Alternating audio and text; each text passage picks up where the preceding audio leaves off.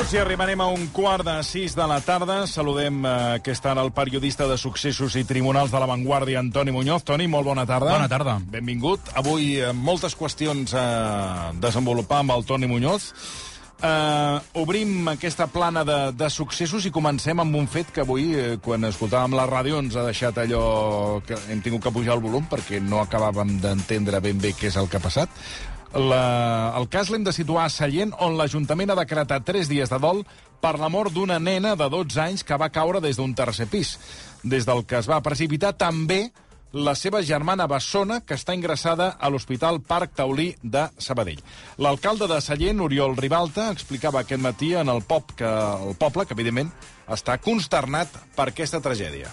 No, doncs la veritat és que estem, estem consternats de la, de la situació que hem hagut de viure. Per nosaltres és una, és una tragèdia i des de l'Ajuntament doncs, ens hem posat a disposició de, de la família primerament i de les persones que, que, coneixia, que coneixen a la, a la família doncs, per poder donar qualsevol suport i ajuda eh, necessaris eh, per tal de, de poder ajudar al màxim.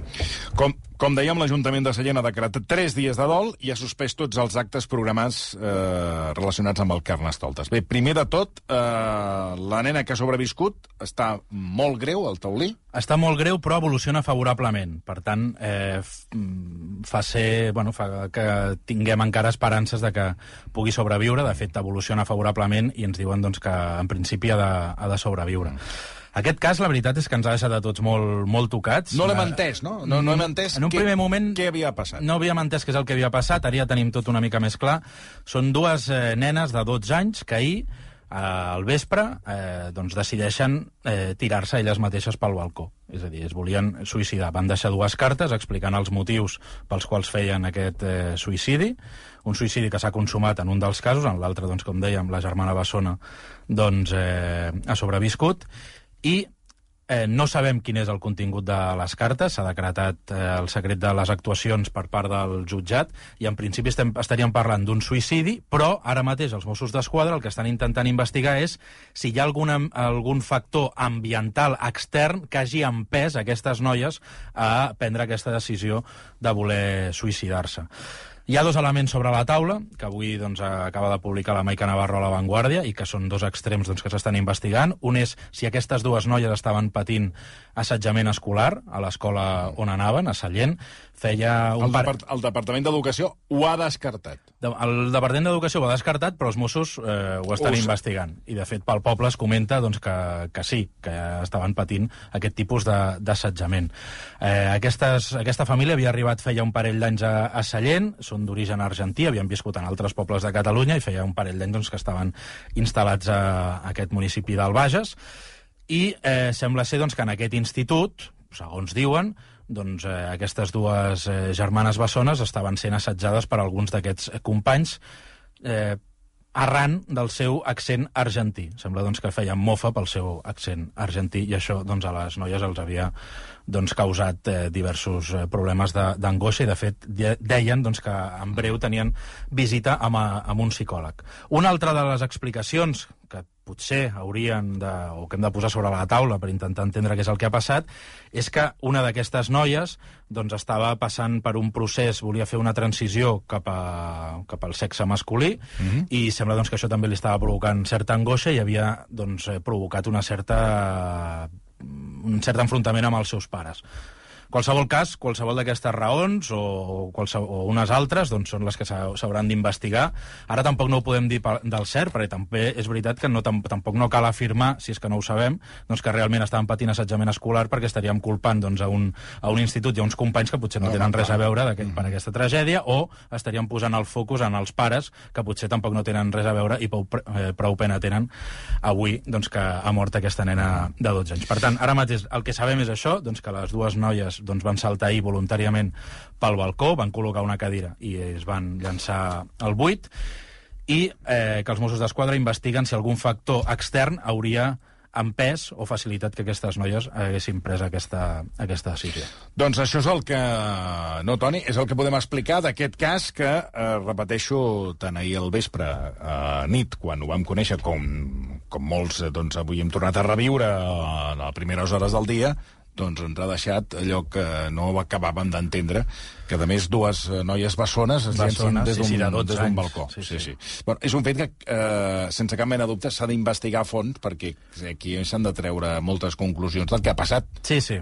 Sí, sí, perquè moltes vegades també recordem doncs, un altre cas de- d'una escola d'aquí de Barcelona, d'una noia doncs, que també es va suïcidar i que ella va deixar escrit que era per culpa de l'assetjament al qual estava sent sotmesa pels seus companys. No? Vull dir que al final mm, sí que és veritat que el suïcidi és una decisió a vegades individual, però a vegades pot ser empesa per factors externs. Sí, sí, si alguna clar. persona doncs, t'ho fa passar tan malament que al final acabes decidint doncs, treure't la vida, doncs és una cosa que s'ha d'investigar i si realment al darrere pot haver-hi algun tipus de responsabilitat. No? Bé, si aquest cas, eh, que de ben segur continuarem, eh, seguirem de prop i intentarem explicar el que mica en mica anem coneixent, ens, aquest matí ens ha deixat eh, descol·locats. Hi ha un altre cas que avui, eh, quan l'estava repassant amb l'Ester Muñoz, clar, eh, coneixia per sobre el cas, però a la que he profunditzat encara Sí. he quedat més horroritzat, no?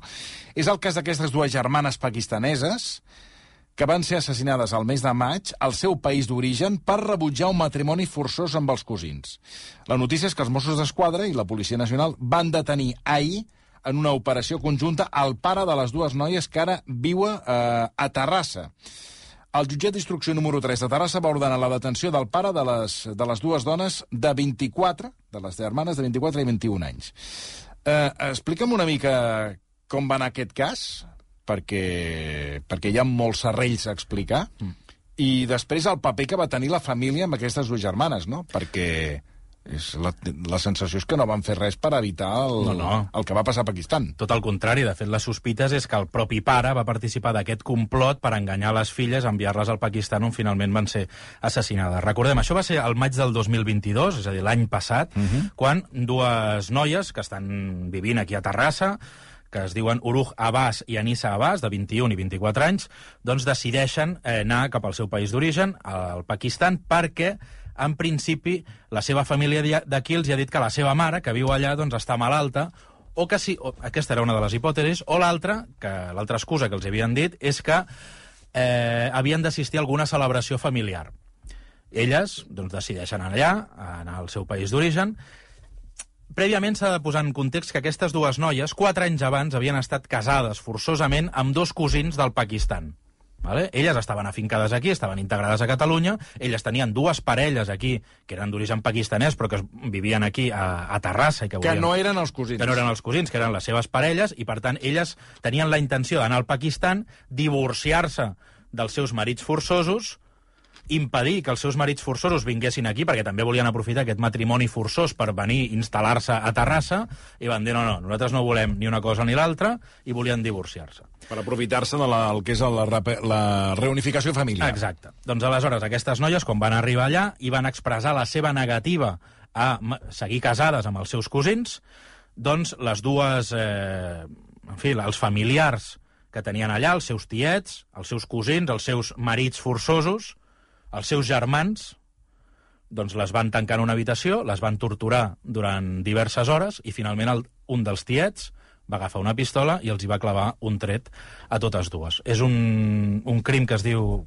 crim d'honor al Pakistan, perquè aquestes dues noies doncs, no acceptaven el matrimoni forçós al qual doncs, les, havien, les havien obligat, i tot aquest crim hem de recordar que es va cometre amb la mare de les dues noies És que a l'habitació del costat. Això és el que m'apuntaven a, aquest migdia quan m'ho explicaven, eh, tant la Esther com l'Àfrica Pallero, i és que ho trobo horrible. O sigui, És la mare eh, al costat i sense fer res. O sense poder no sense fer res. poder fer res. Clar, aquestes dues noies les agafen els dos germans, els cosins i els, els marits forçosos, les tanquen en aquesta habitació i és allà on les torturen amb la seva mare al costat. Arran d'aquest cas, doncs, eh, la policia del Pakistan va detenir aquestes sis persones, continuen encara en, en presó preventiva, però, en paral·lel a tot això, després, aquí els Mossos d'Esquadra van també investigar per un tema de justícia universal eh, què és el que havia passat amb aquestes mm -hmm. dues noies i si podia mm -hmm. algú més tenir responsabilitat en aquests fets. I ara, gairebé un any després, després d'haver punxat el telèfon del, del pare de família, els quals, el qual també els hi va estranyar als Mossos d'Esquadra molt la reacció inicial que va tenir davant d'un crim tan horrorós com el que li havien comès amb les seves filles, va semblar ser doncs, que el senyor no es va immutar gaire yeah. quan va passar això. Per tant, van mm-hmm. començar a sospitar de dir que aquest senyor mm -hmm. sabia alguna cosa i sabia què és el que els hi passaria a aquestes dues noies quan van anar al Pakistan. Ara el que estan investigant és si aquest, ell també va participar d'aquest complot, d'aquesta enganyifa, d'aquest esquer que els hi van llançar perquè aquestes dues noies anessin al, al Pakistan. Sembla ser doncs, que el telèfon mòbil, les punxades telefòniques han sigut claus, ahir el van detenir, ara passarà a disposició judicial, sembla ser doncs, que encara voldran esgotar els Mossos i el jutjat les 72 hores que tenen perquè declari, i veurem que si ingressa a la presó el deixen en llibertat, però en un primer moment, i a partir doncs, d'aquestes doncs, informacions, sembla que el pare tindria alguna cosa a veure en l'assassinat de les seves dues filles. I és més, és que aquí hem de recordar una altra cosa, és que el, el pare no és només, o suposadament va participar de l'assassinat de les dues filles, juntament amb els seus fills, perquè els germans d'aquestes dues noies també estan detinguts ara al Pakistan per haver assassinat a les seves germanes. Per tant, és un cas esgarrifós, que recordem que l'any passat també va causar molta consternació aquí a, a Catalunya, i que això va fer aflorar una xifra que, si no recordo malament, estem parlant que al Pakistan es van cometre 480 crims d'honor d'aquest tipus. Sembla ser doncs, que fa molts anys això no estava penat, i que al final doncs, la justícia del Pakistan mm. deien, bueno, demana disculpes i que no torni a passar, i ara, doncs, des, des de fa cinc anys, doncs, la legislació es va endurir i ara sí que es persegueixen aquest tipus de, de crims. Mira, una notícia que ara mateix el canal 24 Hores eh, l'està desenvolupant, l'està explicant. Dit això, eh, anem amb un cas molt més, bueno, pues, eh, en fi, de, de llarga duració, perquè, clar, d'aquest cas eh, se'n porta parlant eh, d'una manera, això sí, eh, podríem dir, puntual, en, en, en forma de serra, hi ha èpoques que en parlem, èpoques que no, que és el cas d'Helena Jubany. Aquest cas ha agafat, uh, ha agafat una represa, ha tornat a agafar força. L'actual jutge de Sabadell, el que ho porta, uh, em deia el Toni Muñoz que és un jutge nou, no? És un jutge amb ganes. Uh mhm. A la diferència d'alguns altres jutges que ja estan més pensant en anar a jugar a golf, que eh, investiga el crim d'Helena Jovany, ha reobert la investigació contra un antic sospitós d'aquest cas, el conegut, perquè n'hem sentit a parlar molt, Santiago la Iglesia. A veure, eh, Santiago la Iglesia, Toni Muñoz, ja havia estat investigat. A veure, aleshores, eh, aquesta setmana hem conegut la, una prova que es va demanar amb un altre sospitós que ha sortit negativa, i la pregunta és això on ens porta, on ens deixa? Això ens deixa cap un terreny cap, o més a prop, jo crec, de la resolució del, del crim. Aquí hem de recordar, el crim d'Helena Jovany es comet l'any 2001. Per aquell, en un primer moment es detenen eh, dues persones, dues noies, que eren amigues de, de l'Helena Jovany, que eren, formaven part de la Unió Excursionista de Sabadell, que es deien Montserrat Careta i Anna Echagüibel. Aquestes dues, dues noies van ser empresonades. Una d'elles, mm. després de passar uns, cert, uns quants mesos a la presó, va decidir suïcidar-se a la presó i va clamar per la seva innocència. Aquesta noia, que es va suïcidar a la presó, la Montse Careta, tenia una parella que es deia Santiago la Iglesia i que la Policia Nacional, en el programa Crims, deia directament que creien que ell havia sí, estat sí. l'assassí d'Helena Jovany. Ho recordo perfectament. Eh, sempre s'havia parlat doncs, que els mateixos indicis que acusaven a Montse Careta eren extrapolables a Santiago la Iglesia. Per què? Doncs perquè havien estat, quan la, la Montse Careta doncs, se la incriminava, sempre estava amb ell. No? I per tant, si, on estava vostè el dia del crim? A tal lloc? Doncs vostè també hi era, perquè era la seva parella. Al lloc on, on, on van matar l'Helena Jovany, recordem que l'Helena Jovany desapareix el 30 de novembre del 2001 i el seu cos apareix el 2 de desembre del 2001. Per tant, passen 3 dies es considera doncs, que en un primer moment la segresten i després doncs, l'assassinen. La, el lloc on l'assassinen és un edifici de Sabadell mm. on vivia Montse Careta amb la seva parella, que era Santiago la Iglesia. I a part, aquest pis és el que estava més amunt d'aquest edifici, mm. per tant, com que la van llançar del terrat, és el que quedava més a prop del terrat. Per tant, si aquesta, si l'Helena Jovany doncs, la van drogar i després la van traslladar cap al terrat, cap veí ho va poder veure perquè el pis és el que quedava més a prop del terrat i, per tant, si podien traslladar el cos, ningú ho hagués vist. Val? Aquestes serien ara, la composició del tema. Això, Però, puc preguntar mm, sí. si hi ha alguna hipòtesi de per què la van, per què la van llançar des del terrat? O no doncs hi ha hipòtesis? No hi ha hipòtesis, la veritat. Això encara no se sap. Això encara no se sap. Val, anem a, que ens quedem amb els fets. Aleshores, el, això, l'any 2005, s'arxiva la causa. Mm -hmm. val? I s'arxiva la causa per les persones que hi havia imputades. Santi Santiago la Iglesia va ser imputat, però no va entrar a la presó, se li va prendre declaració i al final es va considerar que no hi havia prous indicis per enviar-lo a judici. Per tant, el cas queda arxivat provisionalment. 2005, val? Sí. Aleshores, això què vol dir? Doncs que el temps passa, és a dir, els crims prescriuen al cap de 20 anys. Per Ep. tant, si a tu et van imputar, et van arxivar l'any 2005, tens fins al 2025 per tornar a investigar aquesta persona. El dos, a partir del 2025... Ja no pots. Ja no pots. Quedarà prescrit el crim i, en cas que, i encara que aquest senyor aixequés el braç i digués sí, sí, vaig ser jo, no li passaria res. D'acord? Aleshores, eh, l'any passat, o fa dos anys, el 2021, el desembre, eh, a iniciativa de la família d'Helena Jovany, com que el cas no avançava, van decidir contractar un pèrit informàtic perquè analitzés l'ordinador d'Helena Jovany. I tu em diràs, no s'havia analitzat l'ordinador d'Helena Jovany en aquests 20 anys? La resposta és no. Ningú havia mirat l'ordinador d'Helena Jovany. Val? Aleshores, la família, eh, a iniciativa doncs, seva i també del seu advocat, el Benet Salelles, van portar l'ordinador de l'Helena Jovany a un pèrit informàtic perquè mirés quins són els últims missatges que havia que mantenia, amb, amb quin entorn no? eh, parlava i tot clar. això. No? Bueno, que teòricament això ho hauria de fer la policia. Exacte. Totalment. Aleshores, com dèiem, l'Helena Jovany l'assassinen al desembre del 2001, però uns mesos abans, els mesos de se el setembre i el novembre, recordem que ella rep a casa seva dos anònims Sí. acompanyats d'un- d'una beguda, en un primer moment va ser una horxata i després va ser un suc de taronja, que ella se'l va prendre i es va quedar com marejada. De fet, va portar a analitzar aquelles begudes i van sortir positives amb benzodiazepines, que són una mena d'ansiolítics.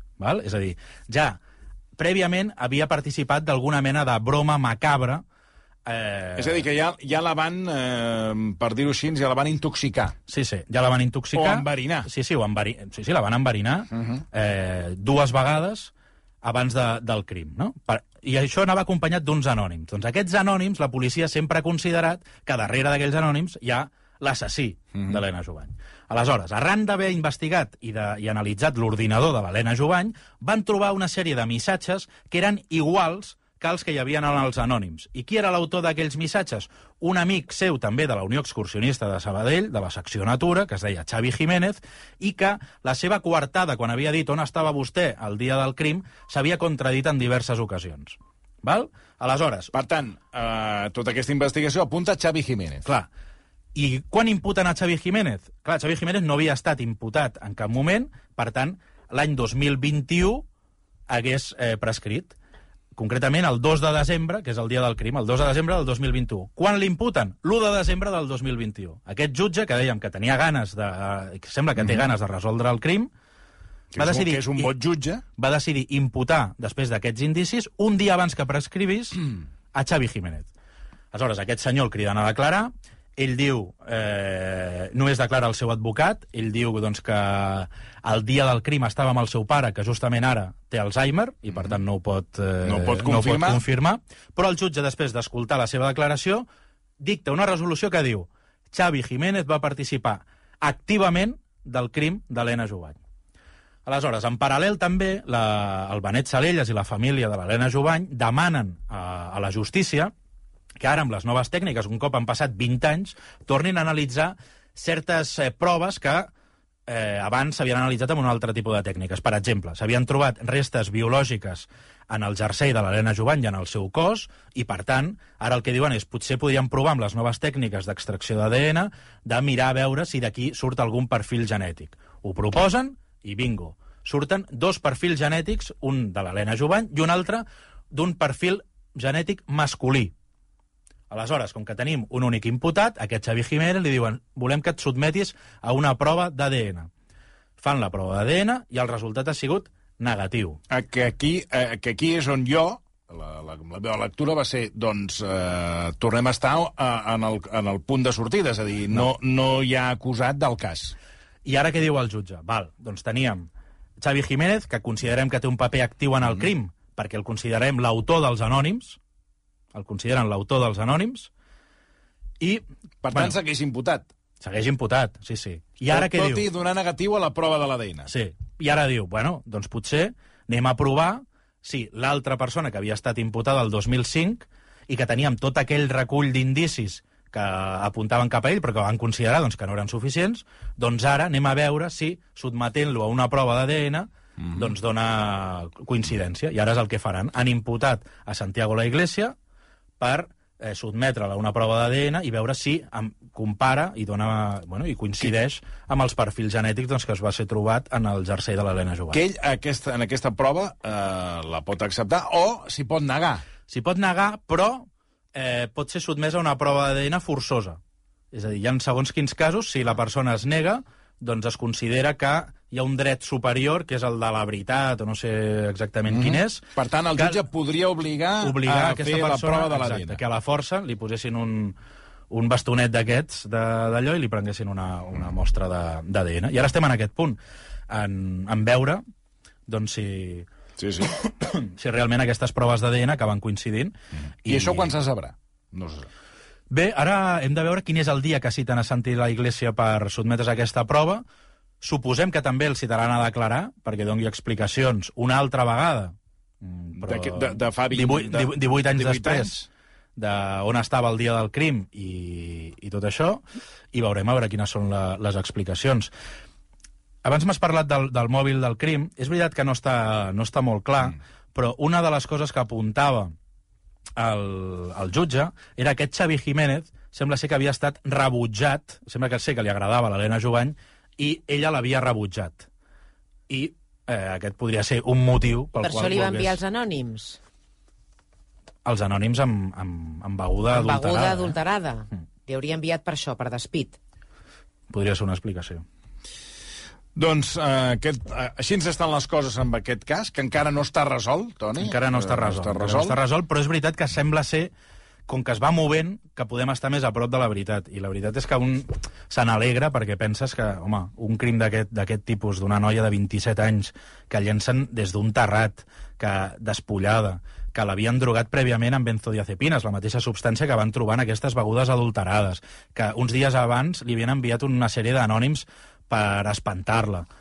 Vull dir, tot això no pot quedar impune. Bueno, I sembla ser- ser doncs, que al llarg de tots aquests anys no s'ha volgut investigar prou, perquè al final és el que et di... O sigui, com pot ser que l'ordinador de l'Helena Jovany, la Policia Nacional, no ho mirés? És que com pot ser això?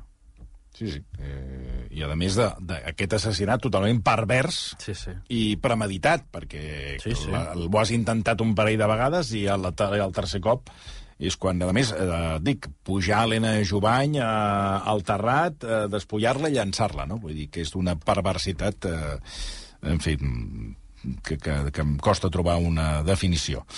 I per acabar, Toni, que avui se'ns ha girat feina, bé, la secció tercera de l'Audiència de Barcelona va confirmar la presó preventiva per Dani Alves. Uh, tres magistrats han desestimat el recurs d'apel·lació que va presentar l'advocat de l'exfutbolista del Barça, Cristóbal Martell. Uh, els motius per mantenir-lo a la presó, quins, quins serien? Perquè no han acceptat ni fiança, ni que surti amb una pulsera telemàtica, ni res. Ha de No. continuar a presó. Aviam, bàsicament el que, el que li venen a dir a Dani Alves són dues coses. Una, que els indicis de criminalitat que hi ha contra ell són bastant ferms i que, per tant, ara ja sap tot el que hi ha contra ell, que és bastant greu, que realment l'està acorralant i que, per tant, la pena a la qual es pot enfrontar en un eventual judici és de 4 a 12 anys. I que, per tant, ara ja sabent que aquesta pena és alta, tens més risc de, de fugida. Mm -hmm. Aquí, bàsicament, se centren dient que vostè es fugarà eh, no ens acabem de creure que no es fugui. Mm. Val? Ja. I aleshores, sobretot per això, primer, perquè ja sembla ser que l'acusaran d'un delicte d'agressió sexual amb una pena prevista de 4 a 12 anys. Després, doncs, per això, pels indicis de credibilitat que hi ha contra ell, eh, que són prou ferms, i després perquè consideren que l'arrelament del qual ell també parla doncs no està tan clar. Primer li diuen que des que va deixar el Barça el seu pas per Barcelona ha estat esporàdic, vull dir que tampoc no és que s'hagi estat moltes temporades o llargues temporades aquí, perquè... L'últim dels- cop va ser quan el va repescar el Barça, el Xavi, que va arribar al mercat d'hivern. I sí, sí. quan va arribar al mercat d'estiu, no, el Barça no, li va, no el va renovar el contracte i va marxar al Pumas, Pumas de Mèxic, mexicà, que tampoc el volien, però bé, se'l van acabar quedant. Sí, sí, i ara l'han acabat fent fora. Sí, sí. No? I, de fet, aquest és un dels arguments que va donar Dani Alves, dient, escolta, és que jo ara ja no tinc equip, no Mm. tinc feina, ja tots els meus patrocinadors han marxat, no tinc tants diners, com no tinc tant múscul econòmic com per poder marxar, no? Eh, i, el, I aleshores el jutge li ha respost de dir, bueno, Bueno, recordem el cas de Robinho, Sí. que està acusat per violació a Itàlia, Sí, sí, condemnat a 9 anys de presó. condemnat, i que està a Brasil. Clar. I com que no hi ha extradició, no hi ha conveni d'extradició, doncs allà segueix. Clar. No? I aleshores, eh, clar, el jutge no es vol arriscar que se'n vagi al Brasil. I clar, i deia, bueno, però jo puc entregar el meu passaport i d'aquesta manera no em mouré de, de lloc. I diu, bueno, però amb la seva capacitat econòmica vostè pot agafar un avió o el que sigui privat i marxar i no li demanen el passaport ni demanaran res, no? I un cop estigui al Brasil després ja, ja, a veure, Sí, ja sí. busca'l, no? Mm. I bé, una mica és el que, el que ven a dir-li a, a Dani Alves. I a banda de tot això hi ha una cosa que trobo que és interessant. Abans ho comentàvem a fora de micròfon, i és que el cas, la investigació està molt avançada, està pràcticament acabada. De fet, el, el tribunal dona per conclosa la investigació i creuen que poques coses més s'hi poden fer ja.